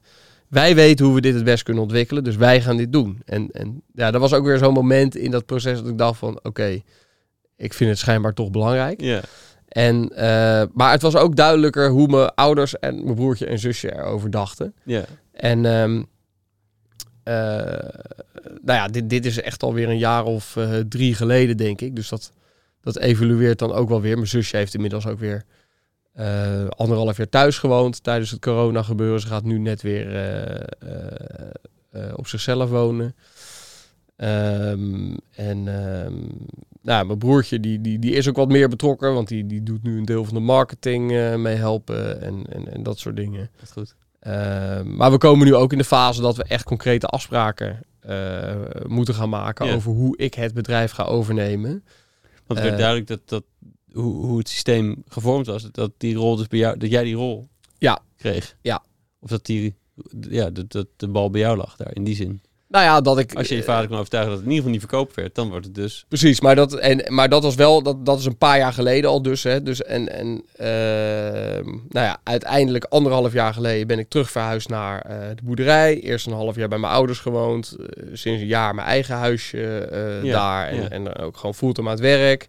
Timing was ook perfect, want corona kwam precies. En eh, nou, we Hoor je niet vaak die twee in één zin, maar de, de, de timing Ja. ja. was, was, was gewoon... Nee, nou, als ik aan terugkijk, als ik, als ik, als ik mijn oude baan eh, eh, van, van- vanuit mijn eigen slaapkamer had moeten gaan doen, dan had, daar had ik ongelukkig van geworden. Ja, En eh, op de boerderij, er gaat best wel veel kaas naar het buitenland. De export viel stil, dus we Mm. moesten ook wel echt even aan de bak om, eh, ja, om dat allemaal op te ja, lossen. Ja, Ehm, dus, dus ja, in die zin was de timing goed.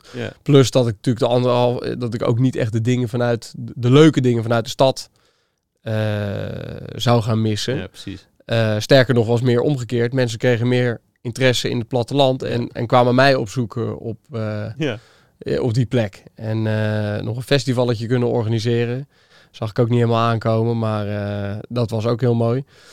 Ehm, ja, dus, dus dat, ehm, eh, dat, dat, dat is toen zo gelopen. En nu ben ik even vergeten wat precies je vraag was. Nee, ja, voor mij dus dat dat de bal inderdaad bij jou bleek te liggen. Dat het, Ja. eh, dat, dat het soort eh, de, toch de lijn doorzetten, toch door jou ging.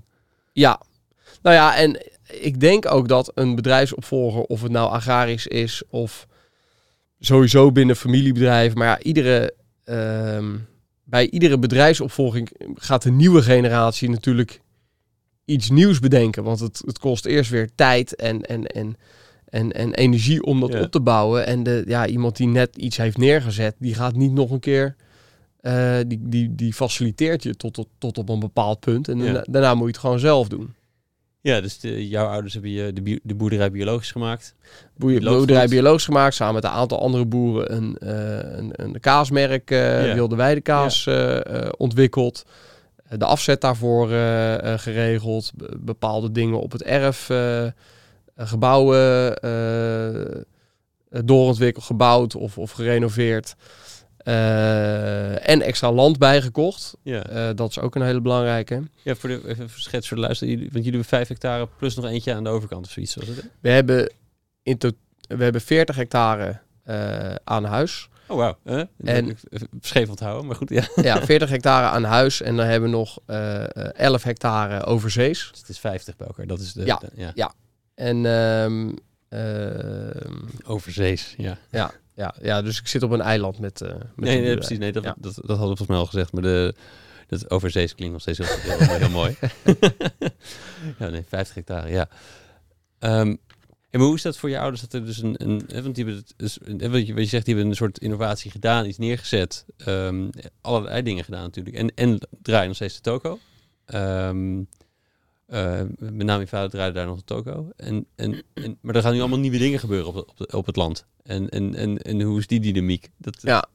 Eh, nou ja, de basishouding van mijn ouders is altijd geweest. De, de, de, de, de, de traditie van deze boerderij is dat de volgende generatie het overneemt en zijn eigen invulling daaraan geeft.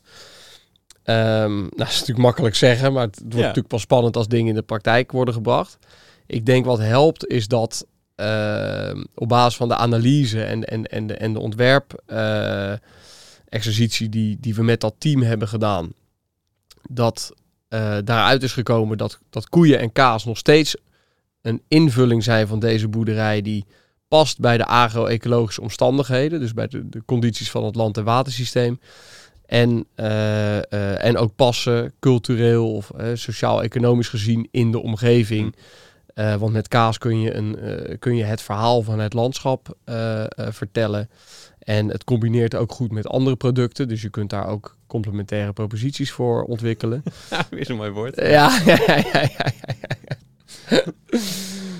Beroepsdeformatie. Ja, ja, ja. Ehm, dus koeien en kaas blijven, dat wil ik eigenlijk zeggen. ja.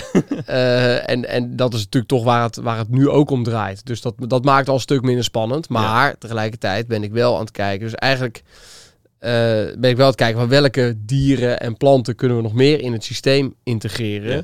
Om het probleem van eh, eh, biodi- biodiversiteitsverlies eh, veenoxidatie met als gevolg bodemdaling en CO2-uitstoot. Ehm, eh, nou, het hele stikstofverhaal speelt natuurlijk in de landbouw. Wat er ook aankomt de komende jaren is waterkwaliteit. Dus, dus voor al die dingen wil je een oplossing hebben. En met alleen koeien en kaas wordt dat lastig. Dus Ja. we moeten de koeien- en kaasbusiness gaan herontdekken.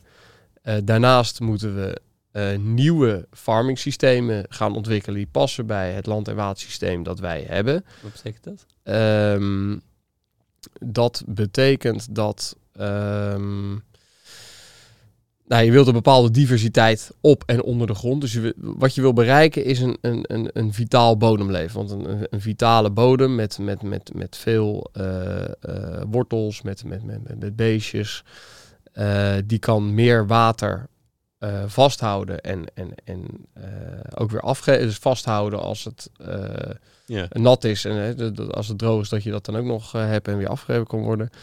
Ehm, dat wil je optimaliseren. En dat doe je door een bepaalde diversiteit ook op de bodem te creëren. Dus andere dieren en planten. Ehm, dus wat we gaan onder andere gaan doen is met de kippen achter de koeien aangrazen. Want koeien die, ehm, of kippen die hebben natuurlijk schalgedrag. Die krabben met hun, met hun eh, eh, poten krabben ze in de grond, waardoor er het gras gaat kapot. En er ontstaat meer ruimte voor kruiders om, om dan op te komen. Dus dat is al hè, andere plantdiversiteit. Tegelijkertijd die eh, koeien leggen mestvlatten neer. Na een aantal dagen komen er beestjes in. Vinden die kippen lekker, dus die gaan daarin vroeten. Verspreiden die mest. Mest is beter op te nemen door de bodem. Dus die kippen helpen eigenlijk. Die kippen aan zich zijn natuurlijk een, al andere beesten. Hebben ook weer ander type mest. En met hun schalgedrag zorgen ze ook aan een grotere diversiteit aan planten in het weiland. Nou, dat is een voorbeeld. Een ander voorbeeld is dat je eh, bijvoorbeeld een moestuin start waar je groentes, kruiden, bloemen. En dat trekt dan weer insecten aan. Insecten trekken vogels aan. Dus zo kun je kleinschalig een, een, ja, een, een soort mini eh, e- ecosysteempje weer creëren. Ja. Waarbij het wel zo is, kijk, wij zitten op een klei op veen bodem. Ehm, ik zou bijvoorbeeld niet grootschalige akkerbouw kunnen gaan doen. Want een combine in september op mijn land, nou ja, dit, dit is een droge september, maar eh, de kans is aanzienlijk dat die combine gewoon wegzakt. Ja. Dus je probeert altijd iets te doen dat past bij het land- en watersysteem Ja, ja, ja, precies. eh, dat je hebt. Het zou ook wel komisch dat je, eh, dat je misschien, om de, ik weet niet of dat zo is hoor, maar dat je, omdat je op een eiland zit ook een soort van afgesloten biotoop hebt. Iets meer in ieder geval dan op andere plekken. Het lijkt wel meer alsof het uitnodigt om een experimentele omgeving te zijn. Ehm, ja, conceptueel gezien wel. Ja. Tegelijkertijd zijn wij ook onderdeel van een gemeente die onderdeel is van een provincie, die onderdeel is van een nationale overheid. En dan eh, eh, dwars daaroverheen heb je nog allerlei andere partijen die daar waterschappen, eh, gebiedspartijen die daar ook wat van vinden. Dus welke vierkante meter je in Nederland ook wil aanraken, het heeft altijd wel vijf stakeholders. Ja, ja, ja. En dat is, eh, hoe, dat is op een eiland niet anders. Nee, nee, nee, precies. Nee, ik, eh, precies. Niet los van alle vrijheid, maar wel in ieder geval. Ik dacht dat misschien dat enig- enigszins biologisch dat nog wat afgeslotener is van, van de buiten. Dat je het bijna een soort van experimenttafel hebt of zo. Nou, het voordeel van biologisch is dat je ehm, eh, bijna per de, ja, dat, dat je dat een aantal grenzen die door de gangbare landbouw nog, nog, nog, nog aangeraakt zouden mogen worden, dat die door bio al niet meer aangeraakt mogen worden. Dus je hebt eh, misschien iets minder problemen met, met, met uitstoot. Hè? Dus Ja. de dingen waar de laatste jaren meer aandacht voor is, daar, daar was voor bio al eerder aandacht voor. Dus, dus daar zit je dan niet meteen over een grens heen. Ja. Ehm, maar ja, tegelijkertijd eh, ja, heb je ook gewoon te maken met ja, alles wat er om je heen speelt. Ja, ja, precies. precies. Ja, Het, is ook, speelt natuurlijk veel in de, in de, de, de, in de, de, de, de landbouw, veebouw, veeteelt, et cetera. Ehm, en wat je eigenlijk steeds hoort is dat, dat de ruimte er niet is of zo. Hè? Dat die, dat, het verhaal tenminste terug is altijd, die zegt er zit klem. En die moet van alles, vanuit elke hoek. Eh, wat je ook zegt, elke, elke vierkante meter vijf stakeholders die allemaal, allemaal beleid bepalen voor je. Ja.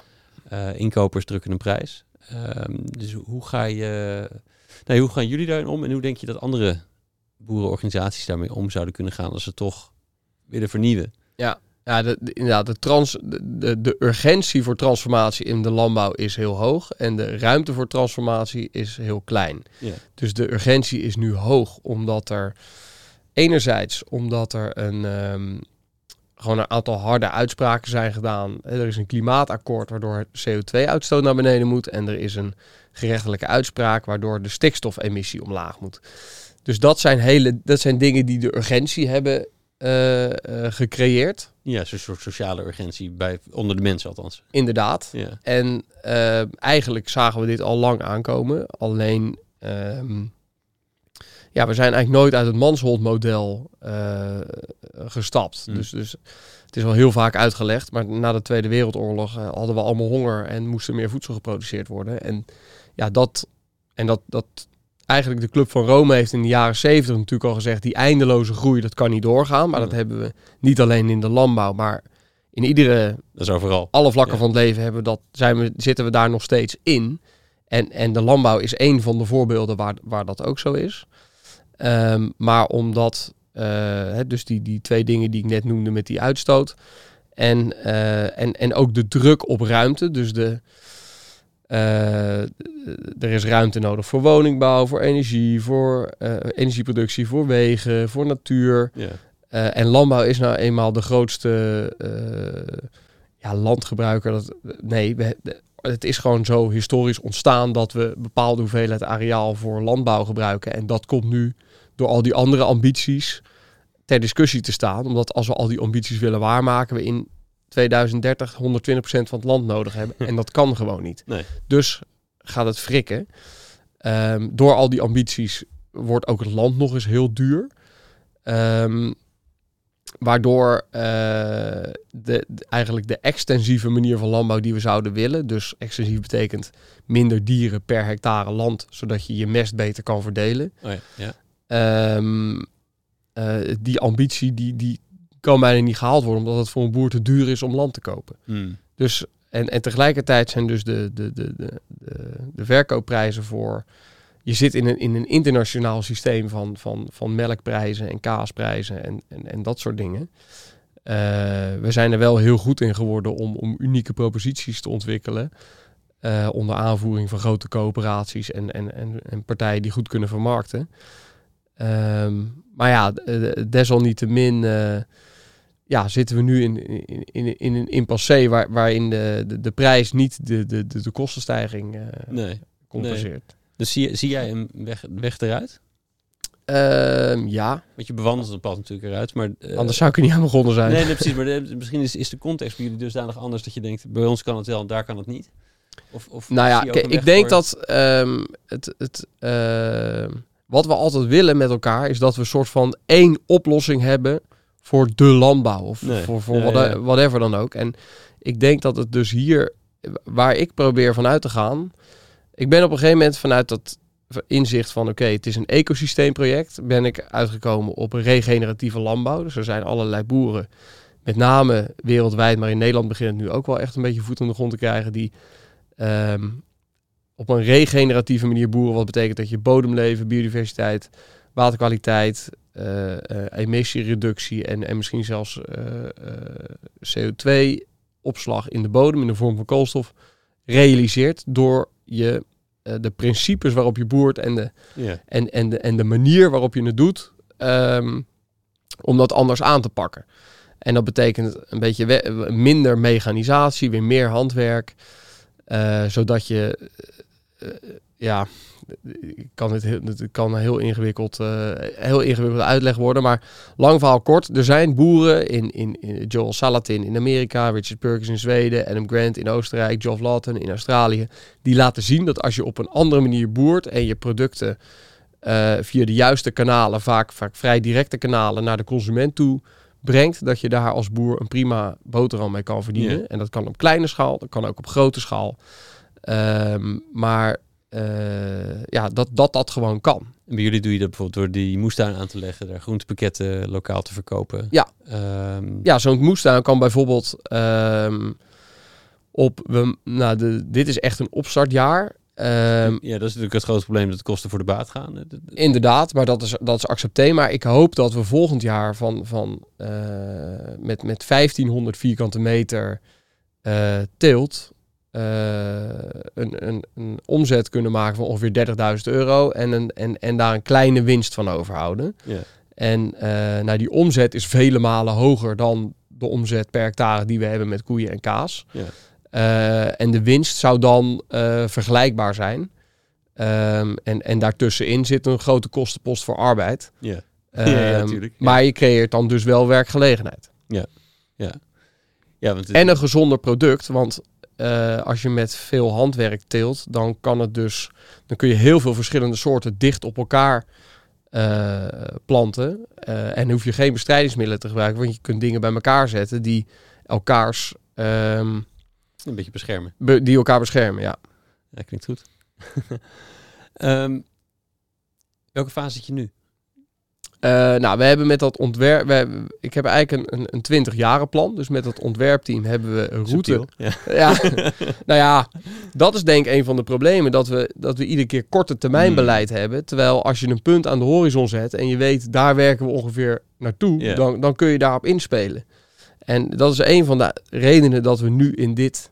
We wisten al lang dat CO2 en stikstof problemen waren, maar we hebben het voor ons uitgeschoven. ja, natuurlijk. Ehm, dus nou, onze, onze aanpak heet Route Regeneratief 2040. Dat gaat dus over één, het herontdekken van de melkveehouderij. Twee, het ontwikkelen van regeneratieve systemen.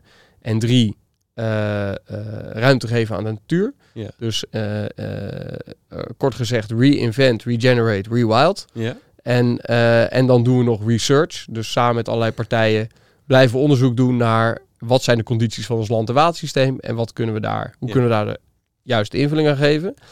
Ehm, dan onderscheiden we drie fases. De eerste is eh, basis op orde.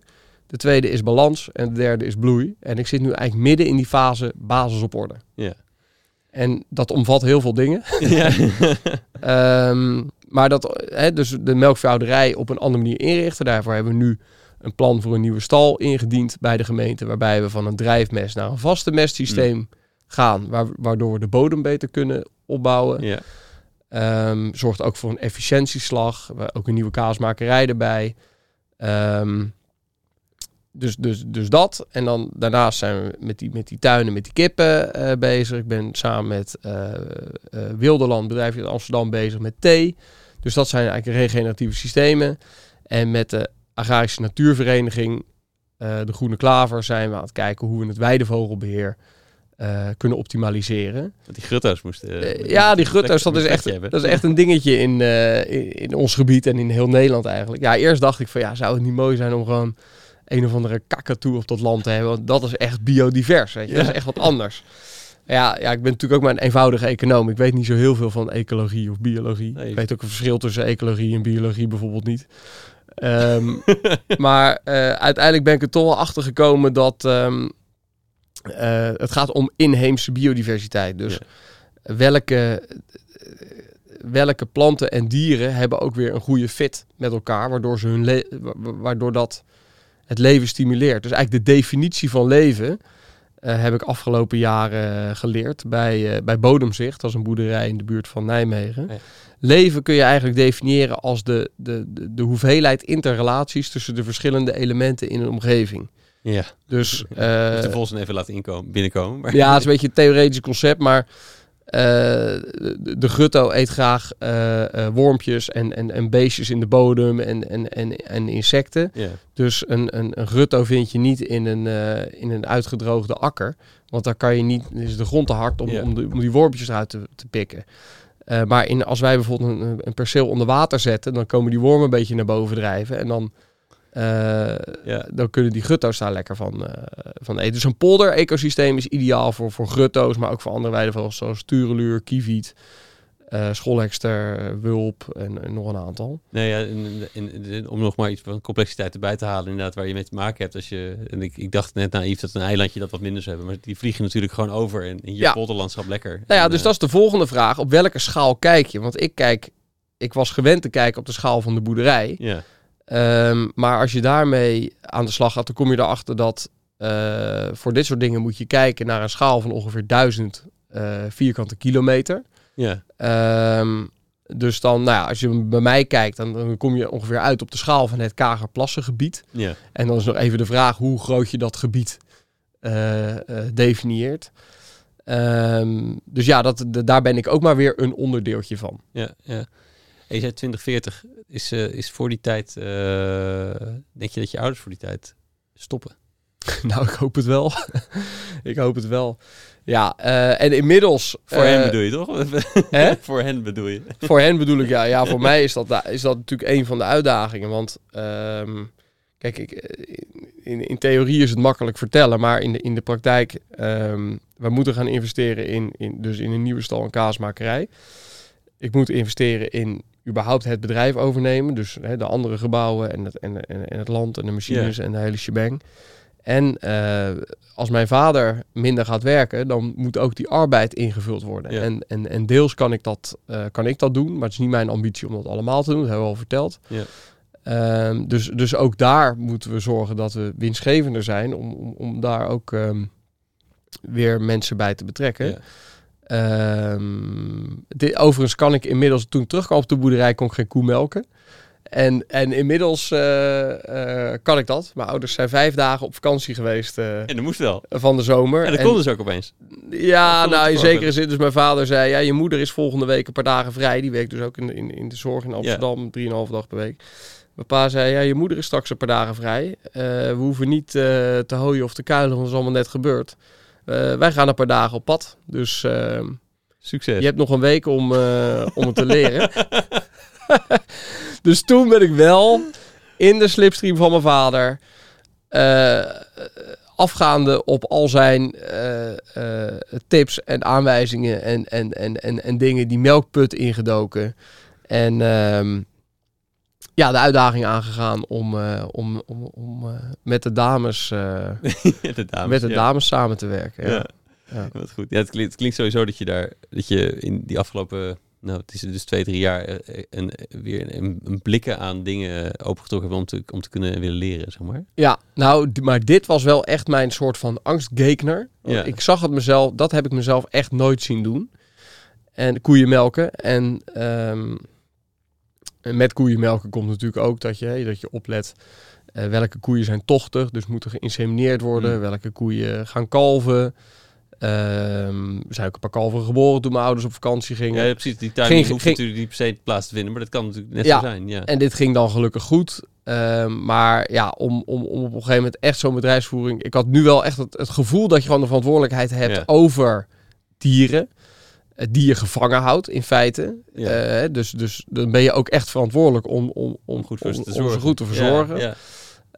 Ehm, en eh, nou ja, eh, vijf dagen is dan een overzichtelijke termijn. Wel een termijn waarin het net fout kan gaan. Dus in dat als je niet oplet en een koe heeft beginnende uierontsteking, dan, dan kan het jouw fout zijn, waardoor dat fout gaat. Ehm, en dat is dan niet gebeurd, maar je moet wel al die dingen, je moet ook al die fouten natuurlijk eerst een keer een paar keer maken Ja. en, en al die dingen een keer meemaken, laat ik het zo zeggen, voordat je het echt kan. Dus niet zo dat ik nu zeg van ik, ik, ik zou dat hele bedrijf. Nee, nee, nee, precies. Eh, Maar het is wel een extra st- volgende stap geweest. Precies, het is wel echt een volgende stap geweest. En ehm, dat is ook telkens wel een soort van de uitdaging van in hoeverre wil ik me verdiepen in, in de dagelijkse operatie en, en, en daarvan leren. Ik ben me heel bewust dat ik daar nog veel meer van moet leren, want ik wil alles kunnen. En ik wil het bedrijf alleen kunnen draaien. En er zullen ook zeker momenten komen waarop dat beroep op mij gedaan wordt. Ja. Ehm, en tegelijkertijd wil ik ook van, de, van het momentum gebruik blijven maken om juist de nieuwe dingen op te zetten. Dat is natuurlijk ook een beetje de luxe positie waarin ik nu zit ten opzichte van heel veel boeren die misschien ehm, eh, die, die, die al de hele dag, of de hele dag, eh, die eigenlijk al anderhalf à twee banen hebben aan, aan, Ja, aan ja. het draaien van hun, hun bedrijf. Dus lang niet iedereen heeft die luxe dat hij ook al die nieuwe dingen kan Ja. onderzoeken. En ik heb ook de luxe dat wij, dat mijn ouders grotendeels eh, de schulden hebben afbetaald. Ja. Eh, waardoor we vanuit de, de, wat er operationeel overblijft, deze experimenten kunnen opzetten. Ja, en dat, dat, dat geldt natuurlijk niet voor iedereen. Dus soms kan het overkomen dat ik er makkelijk over praat. Maar de- deze randvoorwaarden zijn daar wel eh, belangrijk in. En, en nou ja, dat, ik hoop dat ik dat over twintig jaar eh, aan, aan het einde van route regeneratief ook weer in, in, in zo'n staat kan doorgeven aan mijn eh, eh, opvolger. Wie dat dan ook mogen zijn. Ja, die moet nog, die moet nog ontstaan. Die, nou, als die uit mijn familie moet komen, dan, dan gaat het nog wel even duren. ja, precies, precies. Mooi, mooi. Hey, een laatste vraag nog. Gaat het, houdt het wel eens op, zeg maar? Of je, zit, je onderneemt vanuit, vanuit je huis. Dus, nou ja, het is niet, en niet corona gerelateerd, maar het is, het, is, het is je thuis wat je onderneming is. En houdt het dan wel eens een keertje op, die, eh, de malle mode? Hè, dus je zei net, je ouders, eh, wij gaan dus vijf dagen weg. Dat zal ook een unicum zijn. Eh, hoe werkt dat? Ehm, nou ja, het, het is gewoon een manier van leven. Dus je, je bent altijd op je bedrijf. Je bent ook een beetje je bedrijf. Je Ja. bedrijf is ook een beetje jou. En, eh, eh, en, en tegelijkertijd ehm, heb je ook iedere dag momenten dat je gewoon even het idee kan hebben dat je op die dag zelf vakantie hebt. Mm. Dat zijn, dat, dat zijn hele kleine momenten. Eh, en, en, en tegelijkertijd, wij zijn vroeger altijd op vakantie. We gingen altijd minimaal een week op vakantie in de zomer, soms tien dagen. Ehm, dus ja, als je bedrijfsvoering goed staat, Ja.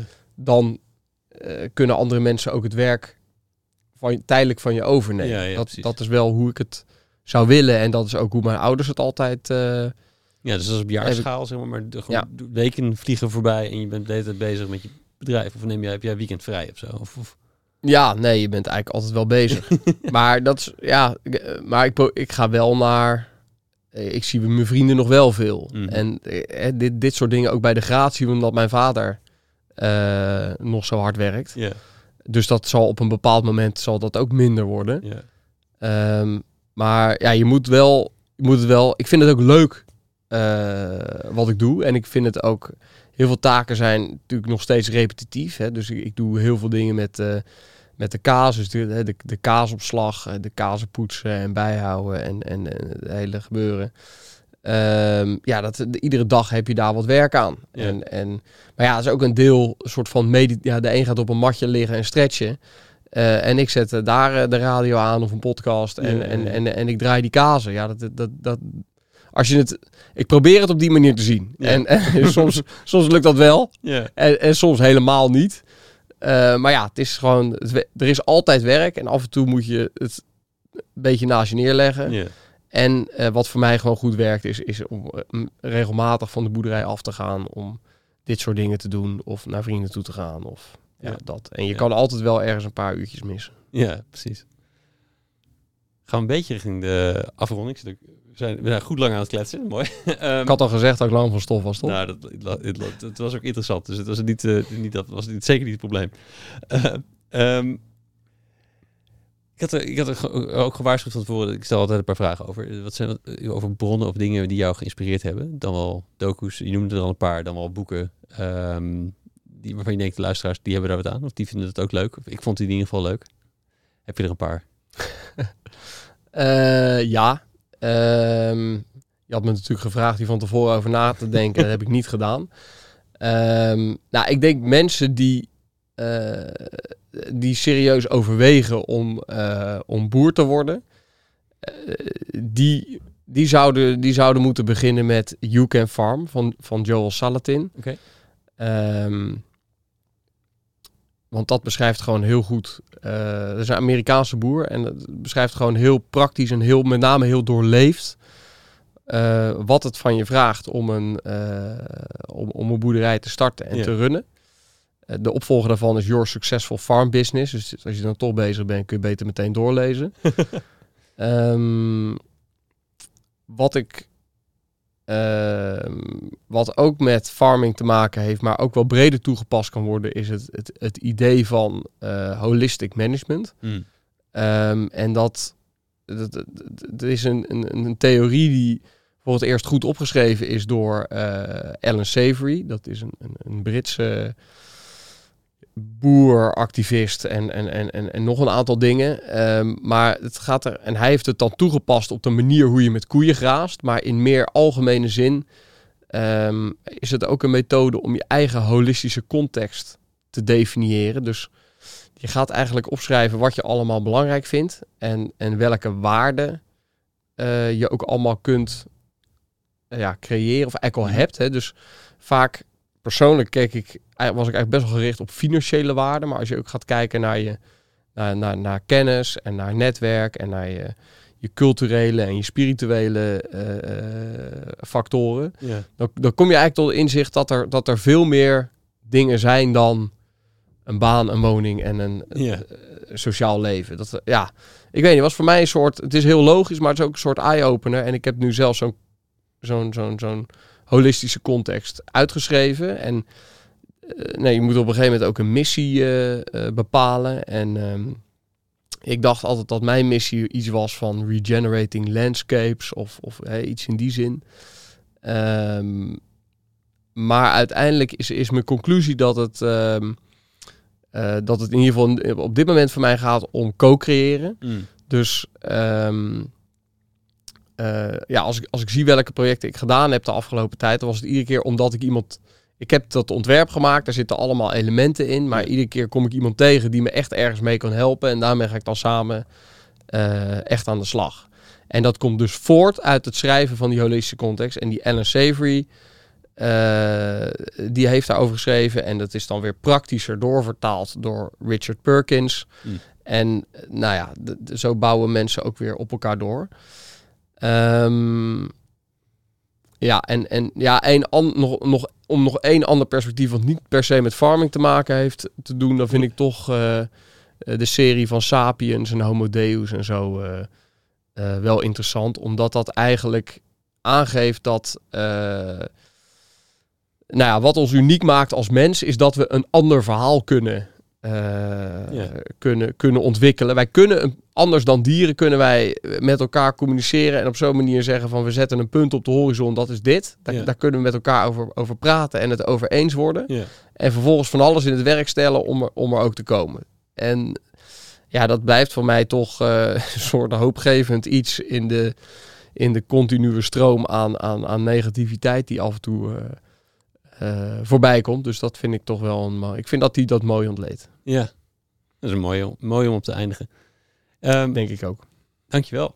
Dankjewel dat jij in het drukke boek staan wat je ook beschrijft en zo. En alles wat er speelt, uh, uh, jezelf twee uur wilde opsluiten in deze studio. ja, nou graag gedaan. Jij bedankt om het rustpunt in dat uh, bestaan te creëren door mij hier naar binnen te trekken. Mm. Nee, thanks. En ik denk, um, met die unieke soort eh, die, die dualiteit die een beetje af en toe waar we grapjes over maakten. Dus die twee werelden waar jij in hebt gestaan.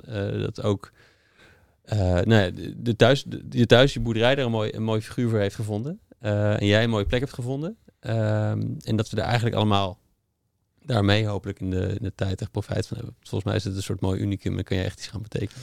Ja, dat, dat denk ik ook wel. Jij, jij definieert het als twee werelden, maar het zijn eigenlijk allemaal ja, soort van in elkaar overgaande uh, ervaringen geweest. Die, waar er echt wel momenten zijn geweest dat ik het ook even niet meer zag. En me heb hmm. afgevraagd van wat is nou de rode draad in mijn leven.